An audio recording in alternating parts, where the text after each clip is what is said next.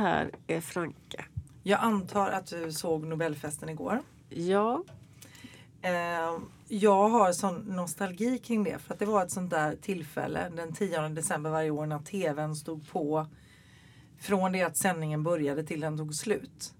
Alltså för mig är Nobelfesten en sån här lägereldstillfälle. ja. Och nu igår försökte jag göra, skapa denna känsla.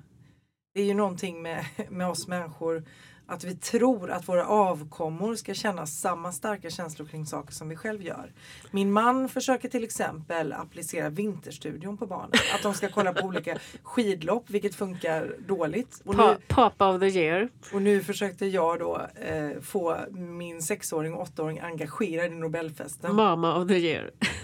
ja. Det slutade med att, eh, att de bara vände mig ryggen. De var Mm. helt ointresserade.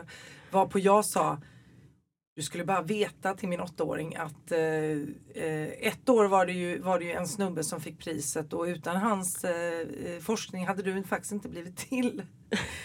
Ehm, för att eh, han är ett provrörsbarn. Och det slog verkligen an när du sa det. Nej, jag tror inte han hörde det. Jag mumlade det mest. Men, ehm, nej, men det är någonting med, med eh, för jag är ändå inte en, jag vet ju att du är det kära Franke, en eh, tablåhöna eller vad säger man?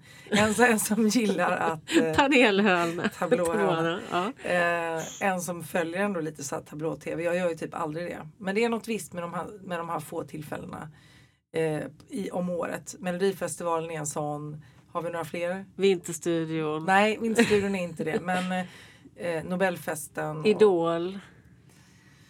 Nej men det kan jag lika väl se dagen efter. Ehm, Ja, det är inte samma känsla. Men, eh, Nej. nej. Men ehm, ja det är någonting och det är klart att Ja, men så, OS-invigningen. Alltså, jag kan också uppskatta faktiskt viss sorts sport som är sådär otroligt mycket hype kring. Jag, jag, och, och just den ståtliga invigningar och sådär. Jag, jag gillar, alltså, Ja. jag är lite sådär, är det många som tittar då är det roligt att titta. pompa och ståt. Ja, men Ja. eh, olika bröll- kungliga bröllop är ju alltid roligt och Absolut. kläderna spelar stor roll. Men, men har du varit på Nobelfesten någon gång? Ja, Det var det jag hade i min bakhuvud. Du har säkert pratat om det i podden men kan du inte ta med oss dit? Vilket år? Hur var det? Vad hände? året var 2007. Året var 2007. Och då fick- Kvinnan på bilden har en klänning som hon aldrig har använt förut. Hon är på väg till stadshuset. Nu är det mig du beskriver va? Hans Villius. Ja. Ja. men det är mig, ja det hörde jag väl. Det var är en mig, ny klänning antar jag.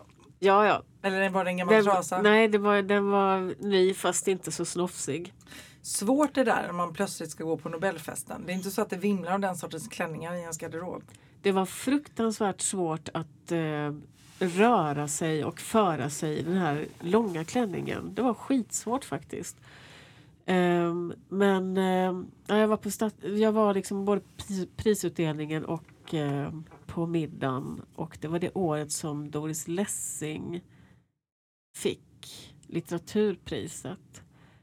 Ehm, ja. Du var, där alltså- för, du var där för Sydsvenskans räkning och ditt uppdrag var egentligen att skriva typ en krönika med närvarokänsla, eller? Ja.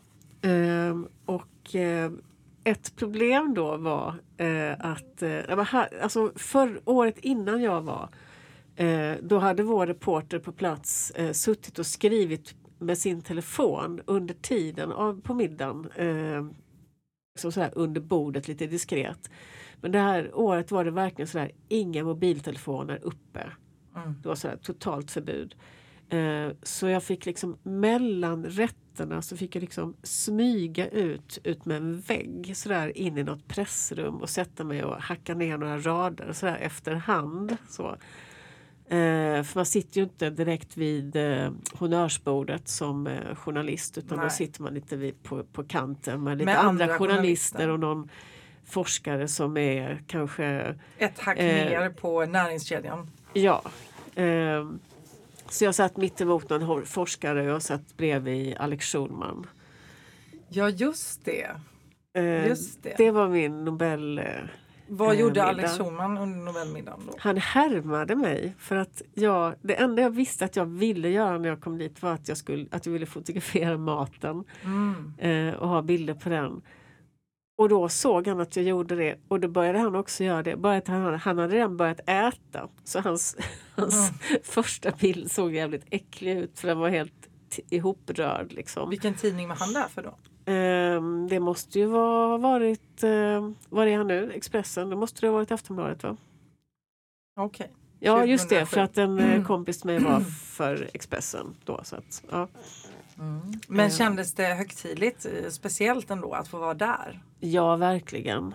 Bara det här Ehm, sålet man hör på tvn när det är 1350 gäster är ju häftigt. Ja, och den här enorma, nej men så, den här glansen som är över alla, liksom alla smycken, alla så tyger. Eh, det är ändå ett tillfälle när många anstränger sig. Men Mm. jag antar att du var rätt långt ifrån. Du fick inte se någon, närstudera någon på nära håll. Eller? Ja, jag, mötte, Kunglighet. jag mötte Carl Bildt i en trappa. Ja, Eh, ja, nej, men nej, jag var ju inte nära någon kunglighet, verkligen inte. nej. Nej. Men vad tyckte du om klänningarna igår då? Eh, jag tyckte att eh, kronprinsessans klänning var helt galet fin, måste jag säga. Magnifik. Ja. Det var roligt för det var någon som skrev på, i något kommentarsfält någonstans att det såg ut som att hon hade slängt på sig en filt. Den var ju ganska tjock. Den kan nog ha varit ganska varm att bära. Mm. Men jag tyckte också den var, det var en helt eh, eh, fantastisk, eh, eh, vad säger man, skärning. Liksom. Eller hur den, själva vidden i den och hur den liksom rörde sig så. Ja, nej, men det var ju som ett konstverk. Mm. Ehm, och det var, det var samma person som hade gjort hennes klänning på, om du kommer ihåg, kommer du ihåg hur hon såg ut på Polarprisgalan? Rosa tylldröm. Ja, det är samma designer. Selam Fesahaye, det har ju gått en SVT-serie om henne. Hon, har, hon klär ju många artister typ. Eh, Sabina Mdumba heter hon så. Ja, Mm. Och flera andra. Och eh, Bosi också vet jag att hon har stylat och gjort kreationer till. Och eh, ja men det är coolt att hon, att hon har gått till att bli den här liksom modeintresserade kronprinsessan. ja. Och jag tänker bara kan hon inte bara, kan hon inte bara få bli drottning? När kungen höll Nu sitt extremt korta tal Ja. så tänkte jag faktiskt avgå och, och gå åt sidan och låt din dotter eh, få tronen nu. Det är dags. Hon är 42. Eh, liksom. Hon, Mm. hon, hon eh, kan klä i sig den eh, kostymen eller vad man säger. Mm. Det kanske hon kan. Jag, jag tänkte att det var, jag tänkte mer, eh, jag var inne på ett annat spår för att eh, just det här designerna och vad de, vilket håll de kommer ifrån. För att eh, det var ju också en, en annan designer som har varit uppmärksamma för att klä artister, Tove Lo bland annat, är Emily Janrell. Just det, vi har Eh. pratat om hennes livmodersklänning innan som Ja. eh, Jessica Gedin har haft i Babel. Ja. Mm. Eh, och I år hade hon ju gjort eh, eh, Sofias klänning. Prinsessan Ja, precis. Sofias. Mm. Den här blåa. Som Den var ju sådär ganska lite- nedtonad.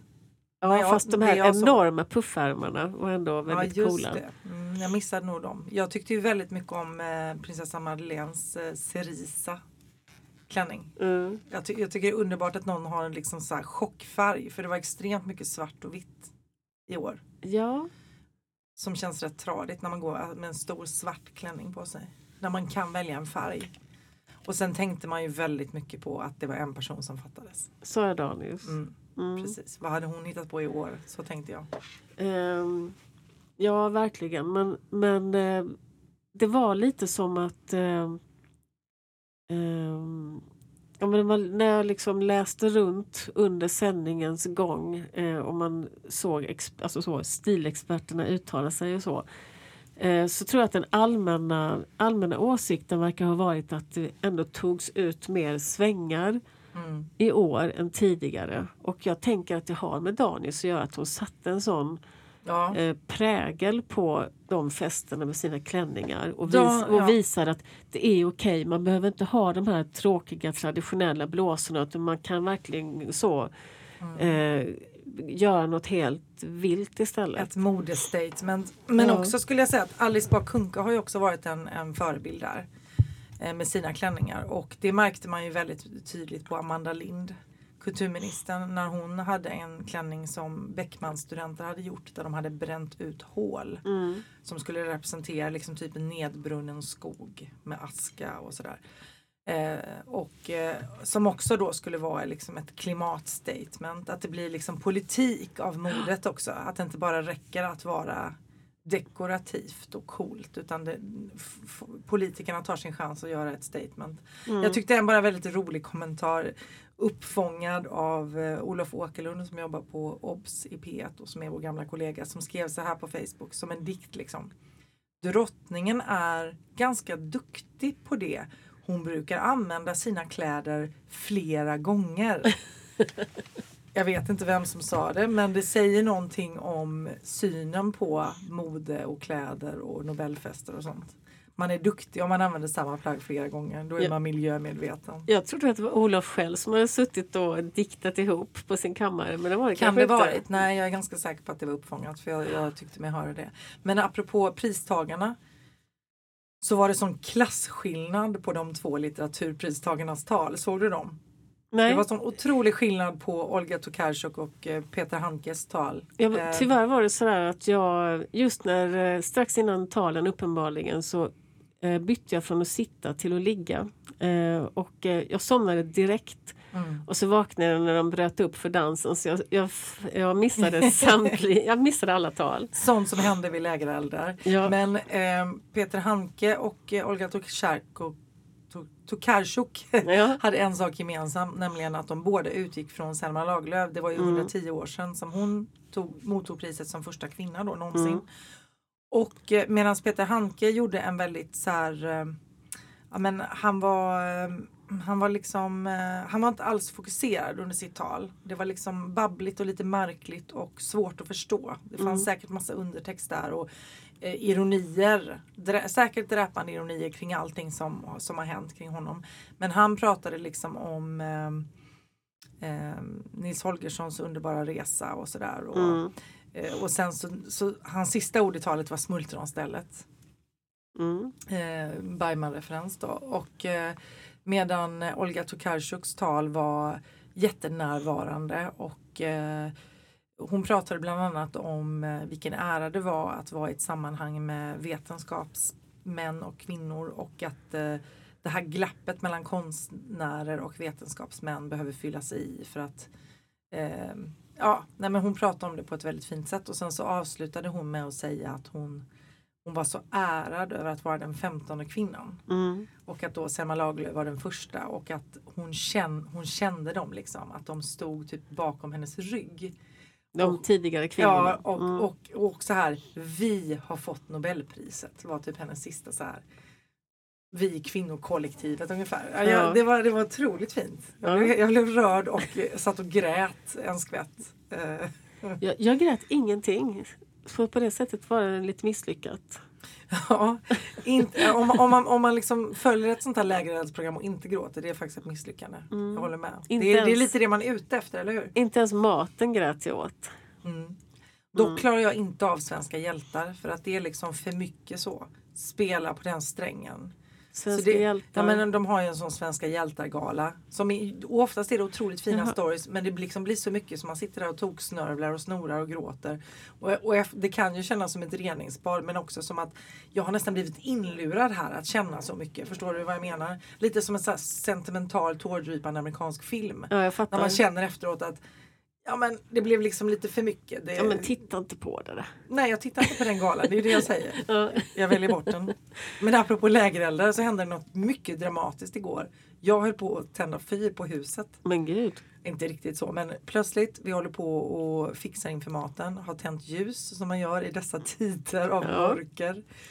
Eh, både, både bildligt och bokstavligt talat detta mörker. Jag vände ryggen mot, gick för att hämta något i köket och plötsligt ropar min sexåriga dotter Det brinner! Det brinner! Och verkligen så en panikröst. Ja. Eh, jag går ut och det brinner verkligen. Då har liksom en pappersbit, typ hushållspapper, fattat eld. Och det är en, en eh, låga som nog är 30 centimeter på bordet på duken med det här pappret som Oj. liksom brinner. Ja. Medan jag är väldigt rådig i denna stund och hittar ett vattenglas och häller över. Men det var, det var verkligen sådär så att eh, barnen grät, katten var förtvivlad, vi vuxna var chockade. Tänk om inte, för att barnen förstod ju inte liksom vad de skulle göra. De stod helt handfallna och bara skrek. Ja. Så jag bara sa vilken tur att jag inte typ hade gått iväg och gått på toa eller gått och handlat något i näraffären. Mm. Så att det var inte så farligt. Men tanken slog mig och jag började genast referera till den här totalskada av Helena von Zweiberg. Och också till att jag fortfarande inte har lagt upp bilderna i ett moln utan vi har dem på en lös hårddisk. Och bilderna av, av alla, av, av barnens liv. Jag skulle aldrig förlåta mig själv om, om de bilderna skulle förgås. Nej, men då Men- har du en uppgift nu. Ja, men För jag, att det, det enda man vet är att sånt där går så himla snabbt. ja, jag vet. Mm. Men jag, jag kommer inte göra det ändå säkert för att jag kommer överlåta det till min man. Tekniska Lat, grejer och så vidare. Lat som jag är. Mm.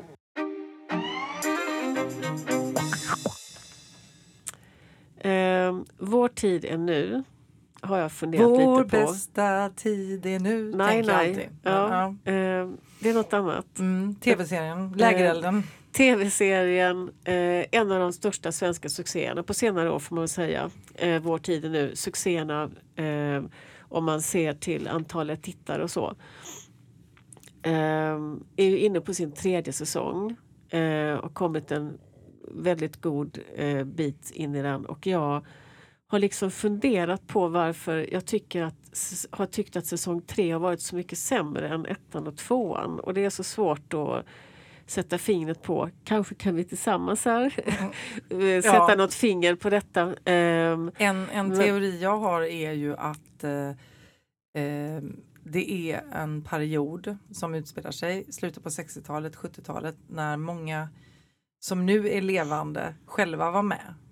Och att eh, när man ska skildra saker historiskt, för den här serien har ju liksom en sån ambition att inte bara skildra liksom människors vardagsliv utan också samhällsförändringarna. mm, Och att när man då närmar sig en tid där, där många personer som nu är levande och aktiva själva var med så är det mycket lättare att gå i olika fallgropar dramaturgiskt men också hur man skildrar saker. Så kanske det är, men alltså, i och för sig så är eh, när, alltså, där serien började, som ju var efter andra världskriget, det är ju många, som, många tittare som minns det också. Ja, jag tror Eh. jag menar liksom mer offentligheten för att den här serien har blivit väldigt sågad av eller den här säsongen har blivit sågad av recensenter Mm. eh, som kanske själva eh, levde på 60-70-talet. Men skitsamma, jag tror också att det handlar om att den inte har varit lika bra.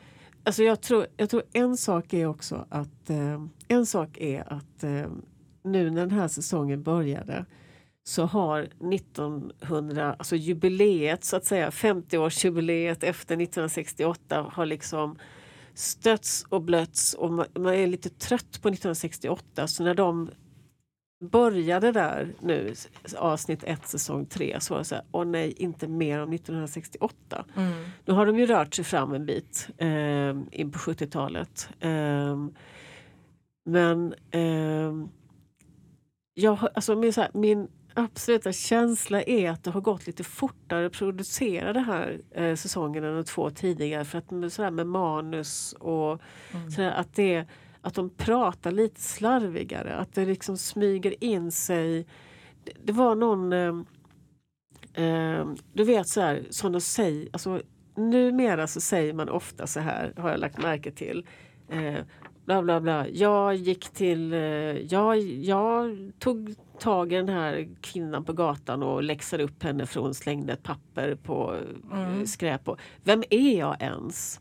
Mm. Alltså det här, eh, vem är jag ens grejen. Ja, att det var någon variant med på det eh, nu i den här säsongen och jag tycker det, En Det kan inte- anakronism. det kan inte vara möjligt att, alltså sådana saker och samtidigt som det har är jag reagerat för flera gånger. Samtidigt att som det är ganska omöjligt att försöka efterhand precis hur man talade vid denna tid på 40-talet. För då blir det också... Nu är det lite- inte 40-tal, det är Nej, liksom men- 60-70. ja, Ja, Nej men alltså från första säsongen. menar ja, nej, men det är väldigt, det är, det är klart att det är jättesvårt. Men eh, just sådana här, att, sådana här mer modeord från Mm. 2010-talet är väldigt onödigt att smyga in i ett manus när det ska utspela sig på 60-70-talet tänker jag. Eller hur? Men sen är det också den här trovärdighetsgrejen att eh, Kalle och Nina ska föreställa eh, varande i kanske 45-årsåldern. Eh, Medan skådespelarna är väl runt 30 och det känns Ja. som att skådespelaren som spelar Kristina, Ninas dotter, känns ju som hon bara är några år yngre än vad skåd- Hedda Stiernstedt är. Mm. Och där blir det ju också den här svårigheten när man ska skildra saker över tid med samma skådisar. Antingen så gör man en pajig eh, så här eh, sminkning. Ja. Det har man inte gjort här utan istället försöker man tänka att ah, tittarna kan ändå eh, spela, eh, liksom leva sig in i. Ja, det är så peruk och lite tidstypiska glasögon. Så de ser lite utklädda ut faktiskt. Ja fast varken Nina eller Kalle har ju något sånt. Det är i så fall Maggan Ja. som är lite utklädd. Men det som är roligt var att det var en scen nu i Och Maggans senaste, tjej. mm, Ja. det var en scen i senaste avslutet, eh, avsnittet med Kalle och Angelo heter han va? Den italienska kyp, före detta kyparen som har startat pizzeria. När de två är så här, de spelar fotboll och så kallar Angelo honom för gamling. Ja. Och Angelo ser äldre ut med sin tangorabatt än vad den här Kalle gör som ser ut som en pojkspoling i sin så här kortärmade tröja som kommer Ja. från fotbollsplan. Det, där kände jag så här, nej vadå gamling? Det är inte trovärdigt. Då tycker jag liksom att de andra två bröderna Levander bär upp åldrandet lite bättre. Eh, Men, men, men, men nej, det blir väldigt skevt och det tror jag skapar en eh, trovärdighetsgrej. En annan grej som jag har reflekterat över i årets säsong. Det är möjligt att det var likadant i de andra två, det får du påminna mig om i så fall. Men det är att de strösslar för mycket med så faktiska historiska händelser som, som gör att det inte är trovärdigt. Nu, det har ju varit liksom almarna i Kungsträdgården. Mm. Det är klart att då ska de vara med och demonstrera. och Uno, Almarna åt folket. Polisen Uno är såklart utposterad där. Ja. Och Maggan och, och hennes fjälla ska demonstrera eller inte. Och Alltså det är så här typ att allting, de här huvudpersonerna är med om typ de största historiska händelserna och det är inte trovärdigt. När Och. IB-affären och, Och liksom. En. Det sjukaste saken som jag faktiskt vred mig av pinsamhet det var när Jimi Hendrix dök upp på Ninas. Och, och den här DJn då blev eld och lågor och spelade en Jimi Hendrix låt och han var ju såklart tidig då för han är amerikan och var tidig Ja. i Sverige med att spela den och så möttes de i ett samförstånd. Det, det var så, varför ska de liksom försöka så här, där borde de ha stoppat liksom kill your darling, det här är inte bra, det här är för mycket. Och liksom försöka få in Jimi Hendrix. Nord sätter ner foten. Och likadant, och likadant att Palme ska titta ut genom fönstret, fånga upp Maggan och sen ringa hem till henne. Och liksom hon tror så här, ja, jag, är, jag, jag har det Palme, jag är Gunnar Sträng. Och så ska det vara så här typ, Palme ringde och ville, ville dig någonting. Mm. Ehm, det strösslas för mycket med sådana grejer. Och också det här att Maggan är både den som driver igenom förskolereformen och eh, som står upp för hbtq-frågan. Mycket flink ung dam. Ja, och, för, och, och i första säsongen var hon den som drev igenom viktiga arbetsplats, eh, fackliga liksom, arbetsplatsförändringar och så. Men får jag säga en sak? Ja, Får jag säga en liten, liten, liten sak här bara som jag har funderat på mitt lilla huvud här? får jag lägga till en grej bara? Nej! Jo, att Angelo också är den som, som lanserar pizzan i Sverige.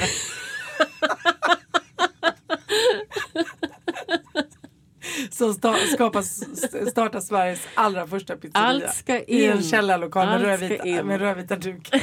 Hade de strukit några av detta hade det blivit bättre. Mm. Bara ett tips till säsong fyra. Som väl utspelar sig på 80-talet då? Jag vet inte om det blir en säsong fyra Nej, faktiskt. nej. Eh, vi får se. Men en sak som jag också tänkt på det är det här eh, när de eh, då väx, klipper in gamla, alltså dokumentära eh, sekvenser eh, ibland. Till exempel det här Almarna. almarna. Eh, så, så är det liksom så här massscener och, och, och protester.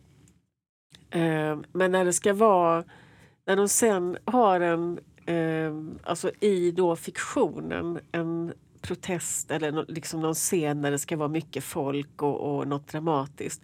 Så ser man liksom hur litet och begränsat det är. Det är liksom inte alls någon sån här det är inget maffigt sådär utan det bara, man, man får se två personer som står och sliter varandra så står det fem stycken och tittar på. Det är där det budgeten satte stopp Ja. för statister.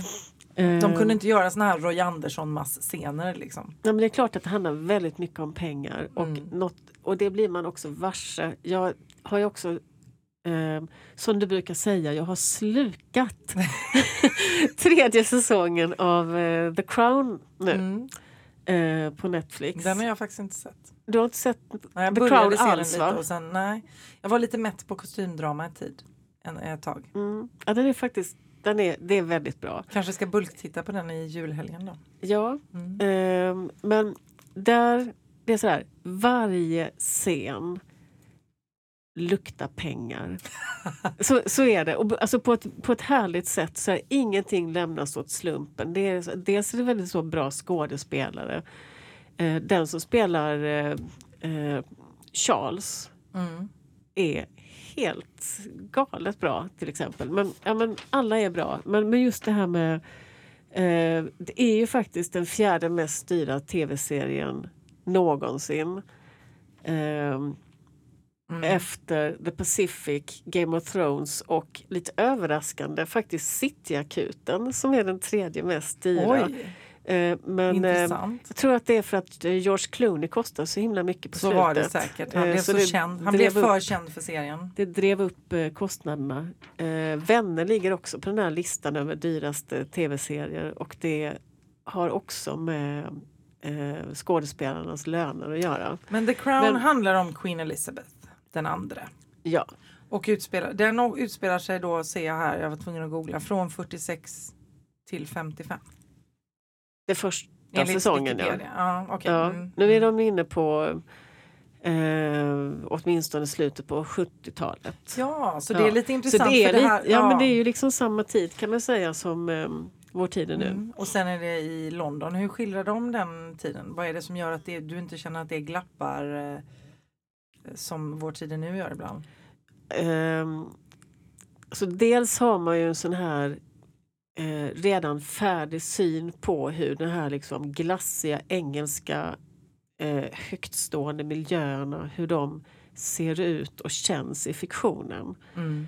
Ehm, så det ska ju, om, och, och så länge det håller sig där så är Mm. det ju, det är ju svårt att se liksom fel. Mm. Ehm, när man redan har, så, my- när man är matad med det sen liksom man var liten egentligen. Precis. Ehm, men jag måste, jag måste bara säga, eh, det här med pengarna, det kostar alltså 13, 13 miljoner eh, dollar per avsnitt.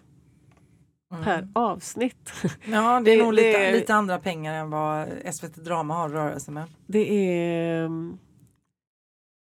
ehm, ja, det är mycket liksom. Men, och de, alltså de lägger, de lägger svin mycket pengar på små detaljer. Så hon, när de gifte sig, ehm, Elisabeth och eh, jag glömmer alltid vad han heter, Philip heter han väl. Eh, så har de då sytt upp en kopia på ehm, hennes bröllopsklänning för Wow, 35 000 men gud. dollar.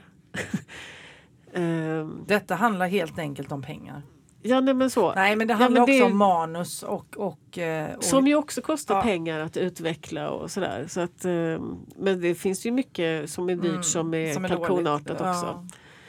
Men det, det är bara som en lång utvikning. Men det är ett, jag tror det är ett skäl till eh, ja, men så, man känner att vår tid är nu, säsong tre, ändå kanske har hastats fram lite grann. Ja men det jag tycker också med de här att de, att de slänger in för mycket, att de här huvudpersonerna på något sätt centralgestalter för allt. De är också involverade i IB-affären som du sa och allt så här.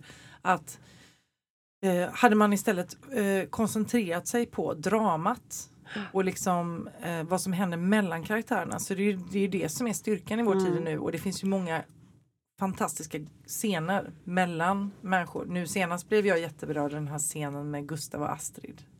Hon är cancersjuk och de sätter sig Mm. ner där. Eh, och bara liksom det här ordlösa som sker mellan dem i den scenen är ju liksom fantastiskt skådespeleri. De skulle fokusera mycket mer på det och förlita sig på.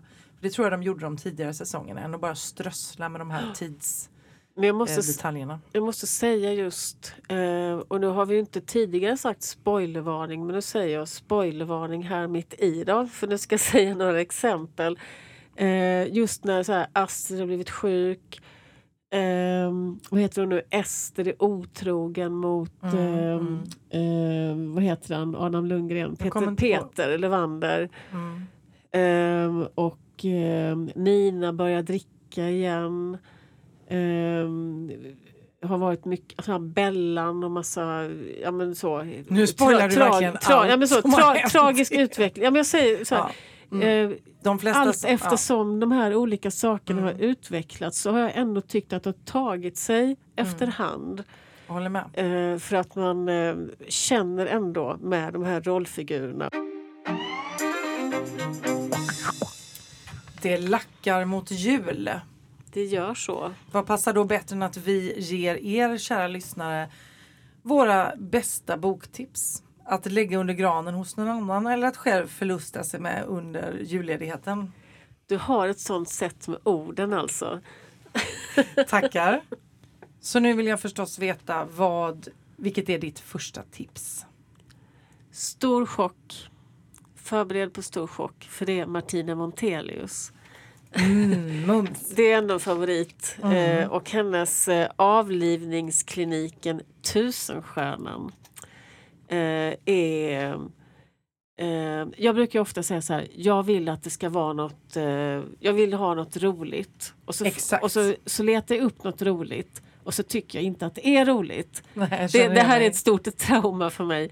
Eh, utom ett, alltså ett fall, utom ett fall och det är Martina Montelius. Det är liksom eh, alltid liksom sån eh, härlig flabbfest att läsa henne. Flabbfest, älskar ordet.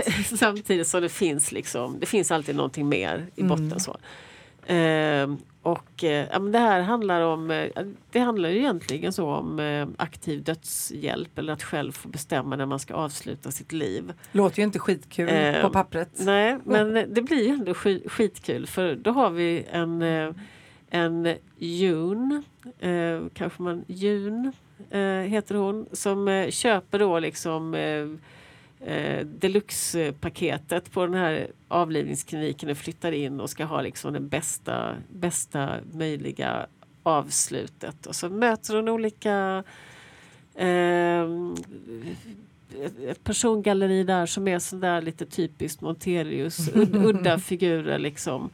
Ehm, ehm, Ja, sättet som hon gör humor av svarta är ju fenomenal. ja, Alltså, och det finns också något sånt här härligt eh, drag hos huvudpersonen som hatar all alltså ett, ett skäl till att hon vill dö är att hon hatar allt det politiskt korrekta. ja. Ehm, väl, väldigt eh, rolig och eh, också finns någonting mer än bara det roliga. Ja, hon har- Det är mitt. Hon har ju också en sån fruktansvärd fart i språket.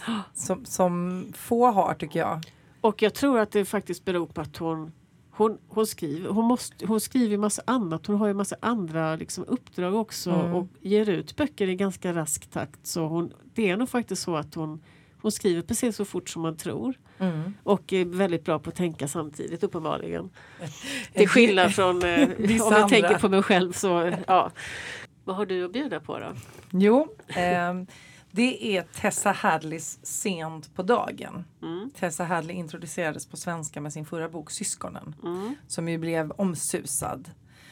Och eh, det är en brittisk författare. Ehm, eh, hon är själv ja, men runt 60, 55-60, någonstans där. Jag vet faktiskt inte alls hennes ålder. Men hon skriver fantastiskt eh, underhållande om eh, medelklassmänniskor i England och akademiker typ. Eh, och det känns som att sådana böcker har man ju läst förr. Mm. Så varför ska man läsa hennes? Men det är någonting hur hon jobbar med tid. I båda de här böckerna, Syskonen och Sent på dagen, jobbar hon med olika tidsplan.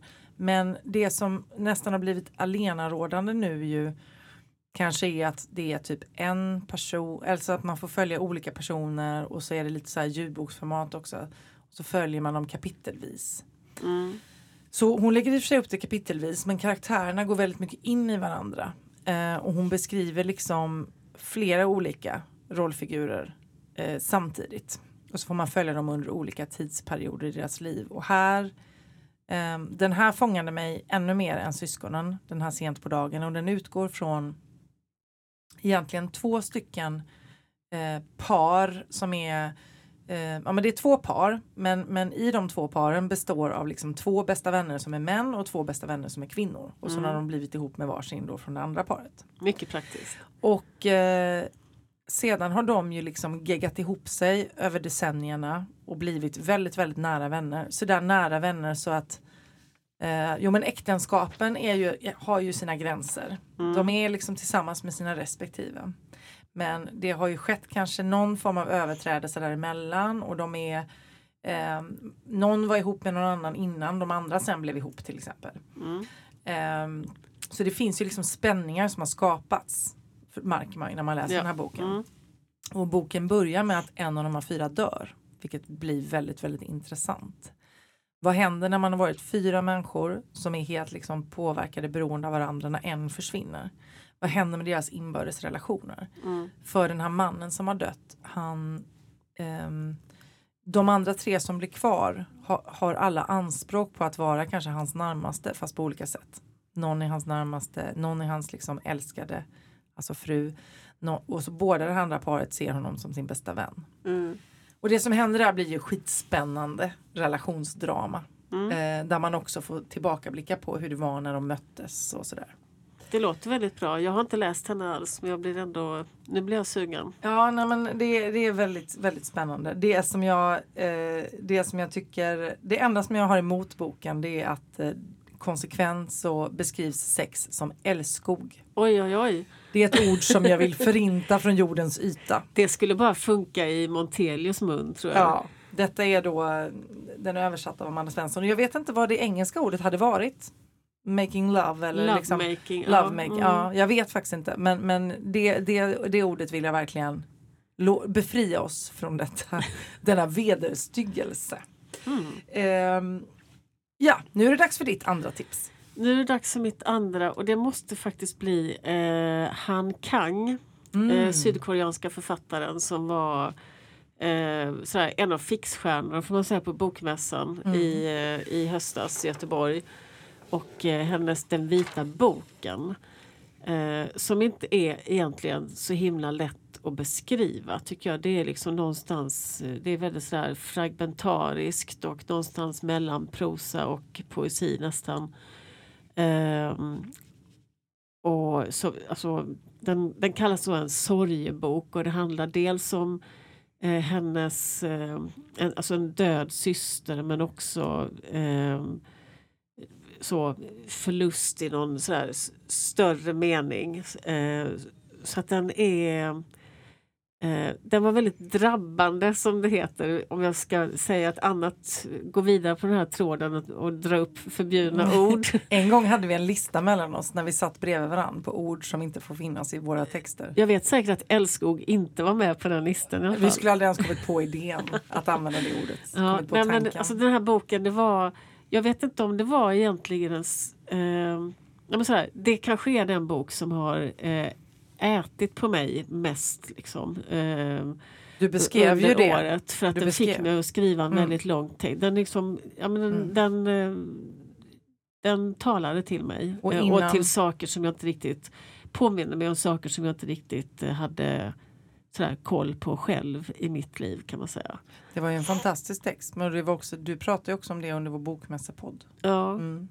eh, och sen sjönk det in ytterligare sådär. Ja men den är, den är spännande. Eh, och den är, den kan, alltså den är sådär snabbt i, alltså väldigt, man kan rafsa igenom den väldigt snabbt. Det är väldigt lite text. Det är en så tunn, tunnis är det. Mm, det behöver man Ehm, ibland. Men det finns liksom så mycket att fastna på där. Ehm, Mm. så, så att eh, den... Nästa tips som jag vill lyfta fram är Den som lever stilla av Leonora Kristina Sko. Sko. Sko. Hon är nämligen dansk. Och det här är en Är autofiktiv... du dansk? Är du Vilken dansk? serie? Vilken replik? Eh, riket? Nej, skam. skam. Okej, Okej, ja. fortsätt nu. Eh, den här, Den som lever stilla, är en autofiktiv roman.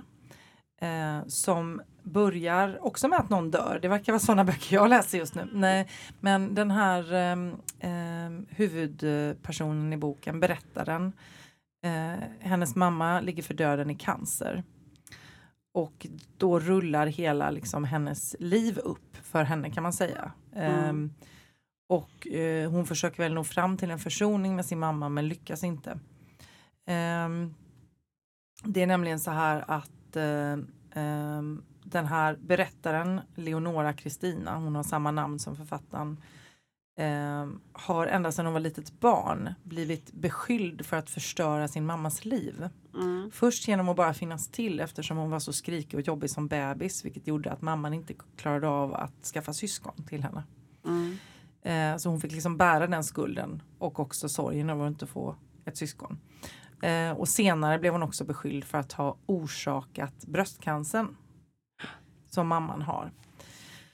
Eh, och, ehm, Jesus vilken tyngd att lägga på ett barn alltså. Ja, det är helt Mm. otroligt. Och pappan eh, har fungerat lite som en grindvakt till mammans mående under hela uppväxten och sagt till då dottern att nu har du gjort mamma sådär ledsen igen. Och samtidigt var det en familj där allting var väldigt välpolerat och fint på ytan. Mm. Eh, och hon själv, eh, Kristina, var en väldigt så klassisk duktig flicka. Tills hon en dag revolterar, byter namn och eh, bryter med föräldrarna och eh, kommer ut, eller som man säger på danska, springer ord som lesbisk. Eh, och mitt i allt det här mörkret som finns i romanen så finns, så, så finns ljuset i hennes egen befrielse i eh, att eh, få bli den hon vill och att närma sig det lesbiska kollektivet och också träffa Annette som är hennes stora kärlek och också som, som hjälper henne att tolka eh, allt det här hon har varit med om. Ehm, och det var en, ehm, ja, det var en sån, också en sån där drabbande eh, Mm. roman som jag inte kunde sluta läsa. Eh, där man får följa den här Kristina som blir Leonora.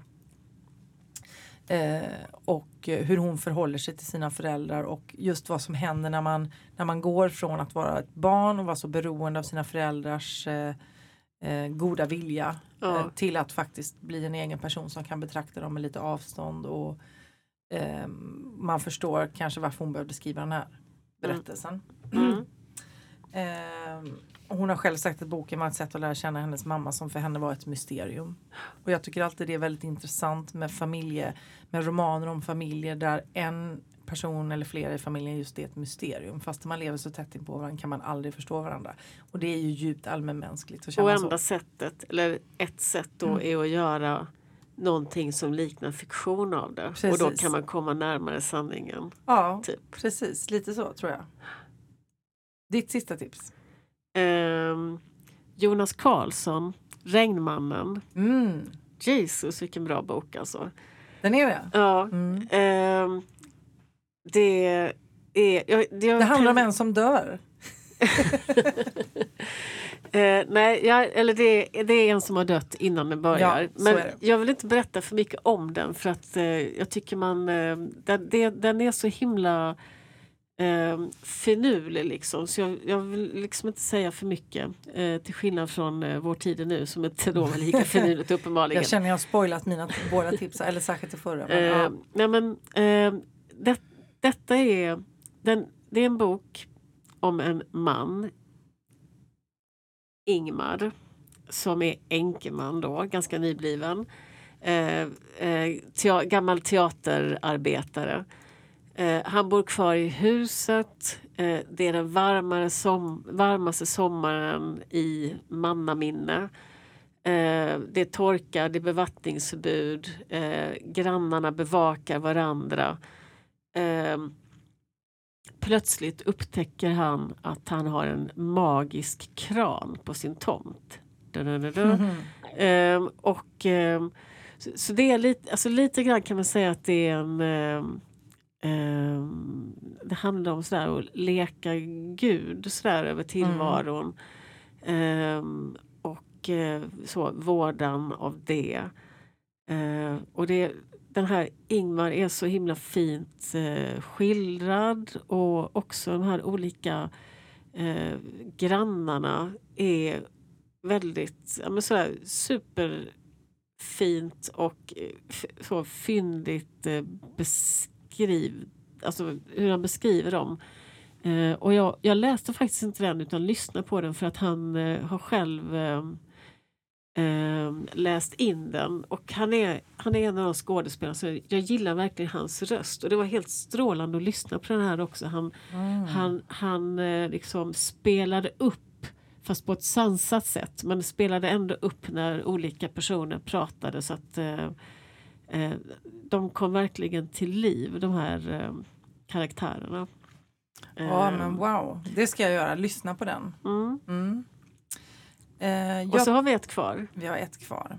Eh, och eh, jag tänkte avsluta med eh, den Augustnominerade Nina Wähäs testamente. Ja. eh, som eh, väl redan är ett tips i, i, eh, med tanke på att hon blev Augustnominerad. Det brukar gå bra även för de nominerade böckerna.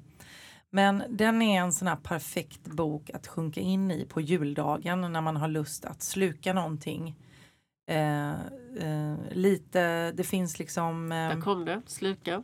Ja, men Ja. jag älskar, jag älskar den där känslan när man går in i en bok och det känns som man går in i ett eget litet universum som Det man inte vill släppa. bättre. Och som man känner att varje ledig tid de närmsta dagarna kommer jag lägga på den här boken. Mm. Och man liksom försöker undslippa olika hushållssysslor eh, och sådär.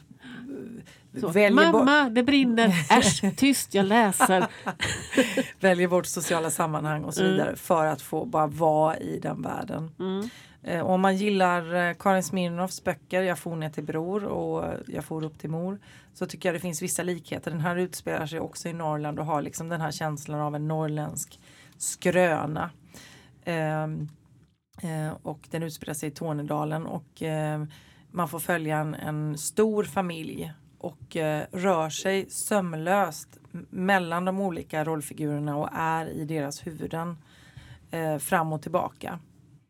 Eh, och det är också så en bok som är skriven liksom på ett mustigt språk med ett, så här, ett gott humör Mm. eh, samtidigt som det berör tunga ämnen. Så som liksom släkter alltid har varit med om tunga saker. Du kan inte hitta en släkt som inte har gått igenom eh, förfärliga olyckor, ondbråd död, sorgliga relationsmönster, skilsmässor. Nej men jag tänker liksom alla släkter har ju sina trauman. Men den beskrivs med den här eh, berättarglädjen samtidigt som gör att det är en bok som man eh, ja, Mm. fastnar i Mm. och njuter av samtidigt. Mm. Detta var våra tips. Detta var våra tips och innan vi slutar för den här dagen så vill jag eh, leverera en spaning och sen komma med en nyhet. Men spaningen först är så här. En sak som händer ganska ofta här på tidningen eh, det är att folk kanske hör av sig och säger jag har en tips eller så här, jag kan tänka mig att berätta om det här jag har varit med om. Mm. Jaha vad bra säger vi alltid då. Ja men eh, då, då kan du vara med med namn och med bild eh, och berätta. Och då är det ganska ofta som folk plötsligt snabbt drar sig tillbaka och säger nej det går inte. Jag vill inte vara med på bild. Jag vill inte ha mitt efternamn i tidningen. Mm. Ehm, vilket är en intressant utveckling som jag och många andra med mig på redaktionen märker blir vanligare. Mm. Och detta är min spaning att jag tror att under, nu lämnar vi liksom 2010-talet bakom oss och går in i 2020-talet. Det här tror jag kommer bli en, en stor trend att eh, viljan att vara anonym ökar. Vi har haft nu ett årtionde när ju sociala medier har exploderat. Mm. Eh, folk har blottat sig, sina förehavanden och skrivit liksom, lagt ut bilder på sina barn. Varit väldigt liksom öppna. Ja. Och nu är min teori att vi kommer sluta oss under 2020-talet. Sen Man om vill det är inte bra vara eller, så googlingsbar liksom. nej. Sen om det är bra eller dåligt, det väljer jag att inte liksom direkt göra någon analys av just nu. Utan det är mest så här, det här tror jag kommer hända. Men ehm, för ehm, jag har varit med om det också när jag har varit ute och gjort reportage och kommit överens med folk att jag ska komma. Mm. Eh, och att på plats ehm, och jag har sagt det kommer jag och en fotograf och på plats kan det då vara folk som säger ett, jag vill absolut inte vara med på bild eller två, jag vill absolut inte ha mitt efternamn i tidningen för då kan de googla fram mig. Ehm, och Och då, jag måste bara fråga, och då behöver, jag gissar då att eh, då behöver det inte vara att det egentligen är någonting som är så himla känsligt eller så. nej, va? det var dit Nej. jag skulle komma utan det kan, Okej. ha, det kan vara någon som har en rolig hobby som den gärna vill berätta om och Mm. tipsa andra om att börja med den här hobbyn. eh, Till exempel. Ja. Men personen själv känner inte att den vill st- stå liksom med hela sitt namn för då är den ju googlingsbar. Och då försöker jag förklara att det är ju en sak om man är ett brottsoffer eller om man är utsatt för hot eller om det är en, ett reportage av känslig karaktär. Men om man samlar på Barbie-dockor. Nej, då får Ja. man stå med vad man heter. Men, men Och vad som hände mig senast igår var att jag var på en stor klädkedja och skulle byta en tomtedräkt till en annan storlek. Sånt föräldrar gör i den här tiden på året. Då eh, kvinnan, expediten, eh, verkligen betonade för mig när jag skulle skriva, man får ju alltid skriva i namn och telefonnummer när man ska byta någonting. Ja, det är väldigt viktigt att du skriver efternamnet också.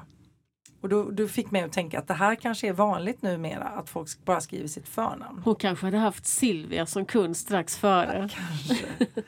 Ehm, så ja, jag tror att det här kan vara lite backlash på den här öppna livet där allt ska fram och blottas. Och jag tänker också att det hänger ihop med ehm, att eh, det som kommer vara mest exklusivt eh, framöver det är att man går på en fest där ingenting lämnar festen och det har man ju redan börjat se tendenser på under 2019. Eh, från att 2010 har varit eh, årtiondet där man har liksom skapat speciella hashtags för bröllop och födelsedagsfester Ja. så kommer det nu, så lägger folk upp så här bilder och säger jag var på ett bröllop i helgen men tyvärr har jag ingen bild därifrån därför att brudparet vill, vill inte att några bilder ska spridas. Det Eh. blir ju lite finare och ex mer exklusivt för de, för de som faktiskt var där. Exakt. Så det. Ja. Så det dolda kommer bli mycket mer exklusivt, upphöjt och fint och bakom kulisserna kommer bli ett begrepp som faktiskt finns på riktigt igen. Och underground från, från att det liksom har inte har funnits nu de senaste åren. Eh, hemligheterna blir finare. Eh, och jag tänker också att vad som går i linje med den här spaningen är till exempel förtalsdomen mot Cissi Wallin. För det pekar också i den här riktningen att människor kommer bli mer eftertänksamma kring vad de publicerar och hur de publicerar. Personer med stora konton kanske faktiskt kommer betraktas mer som ansvariga utgivare. Vilket ju är på tiden. Ehm, om man når hundratusentals människor kanske det är bra att fundera på vad man faktiskt vill berätta och inte. Detta kommer alltså göra att sociala medier blir skittråkigt. Allt kommer att vara business och inget kommer att vara privat. Folk kommer lämna Facebook helt och gå över till LinkedIn. Det kan man redan se tendenser på också. Ehm, och då sker, det sker mer och mer liksom en förskjutning från det privata till det professionella som vi redan har sett. Eh, det vill säga vad får man då tag på det göttiga privata? Mm, det är frågan. Det hoppas jag att du kommer berätta nu också. Nej, för det, det, det är den stora frågan som jag inte kan svara på. Vad, hän- vad händer med det som är Du lämnar den Vad händer med det här. som man ju gillar? Eh, så. Men Instagram kommer säkert hänga i ett tag kvar och där kan man ju fortfarande få den varan. Men jag tror att det kommer bli mindre och mindre.